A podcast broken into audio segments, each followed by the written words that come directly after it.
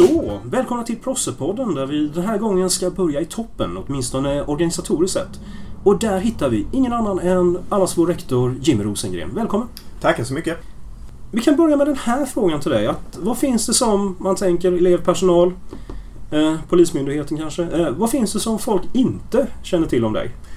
Ja, det är väl egentligen att jag faktiskt också har ett liv utanför skolan. Eh, Nej, alltså nej, allvarligt talat det, är, det är ju så. Jag, jag tillbringar mycket tid här men jag, jag ser faktiskt till att ha en, en eh, haft en eh, hyfsad eh, bodybuilding-karriär. Jag har fler tatueringar än sammanlagda mängden människor i Vajana. Jag eh, tycker fantastiskt mycket om eh, vår skola men ser också till att eh, njuta av idrott, mat, kompisar, alla sådana saker som alla andra människor. Jag är faktiskt en helt vanlig människa. Jag är inte bara rektor. Okej, vi får ta lite ord på det. Men om du tänker så här, hur länge är det nu som du har varit eh, rektor och skolledare här?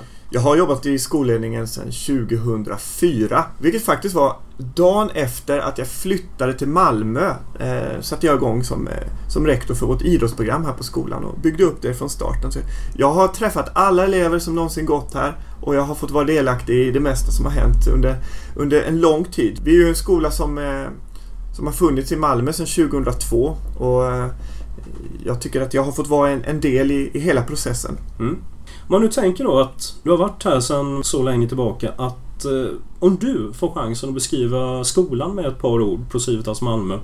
Eh, vad väljer du för ord då?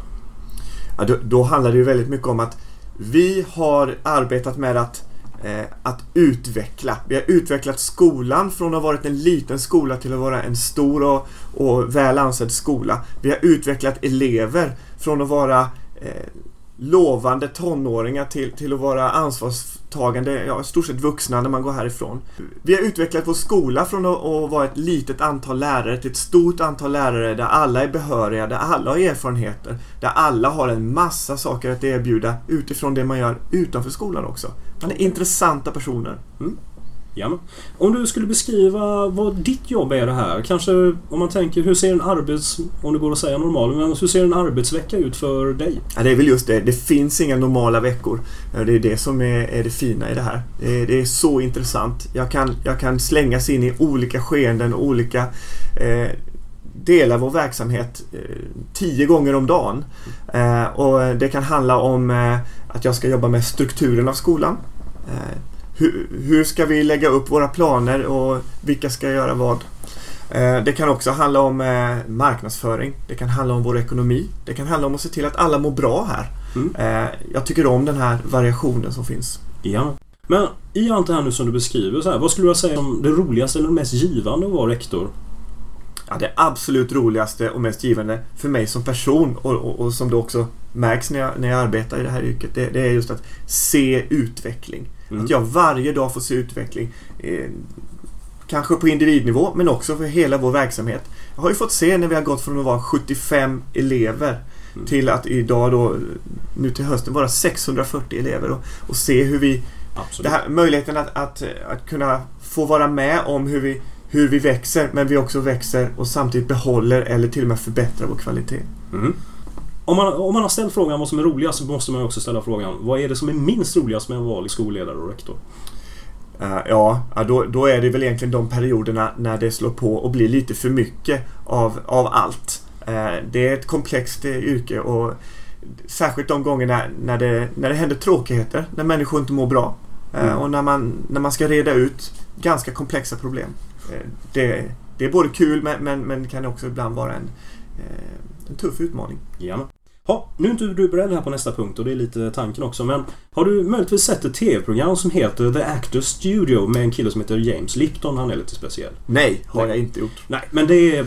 Eh, han har en skådespelarutbildning i, eh, i USA. Och eh, han är lite känd för att han har väldigt kända gäster. Allt från liksom Robert De Niro och eh, Warren Beatty. Precis alla har varit med i den här. Och han har ett frågeformulär där. Det är inte han som har uppfunnit det. Utan utgår från en så här fransk eh, teaterlärare. Men jag alltid tyckte det var rätt intressant att vi ska ta ett par stycken från det här. För han menar liksom att det här är sådana saker som hjälper en att få en liten helhetsbild av en människa. Ja, är du beredd? Nej. Men vi, men vi kör ändå. Ja. Vilket är ditt favoritord? Mat. Absolut, ingen tvekan. När du säger det så framstår det plötsligt, för oss som känner dig, så framstår det som väldigt självklart. Ja. Vilket är ditt hatord? Ja, när jag gick i skolan var det grammatik. Eh, mitt hatord är eh, förlust. Mm. Ja.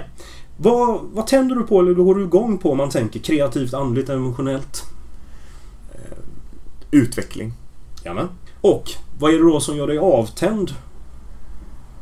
Ja, Jag, jag har ju väldigt svårt för, för svek och, och eh, lögner. Mm. Vilket ljud älskar du? The sound of silence. Oh. Och vilket ljud hatar du? Eh, visselpiporna på studenten. Ja, tack. Bra.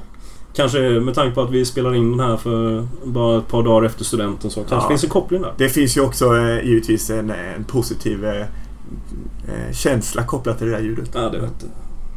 Ja, vilket annat yrke skulle du vilja försöka dig på? Jag skulle... Jag skulle vilja vara elitidrottare. Jag är lite avundsjuk på, på de som får leva sin eh, hobby. Mm. Och vilket annat yrke skulle du inte vilja försöka dig på? Ehm, ja, eh, jag borde nog inte bli radiopratare kanske. Nej, du underskattar dig själv tror jag. Ja. Mm.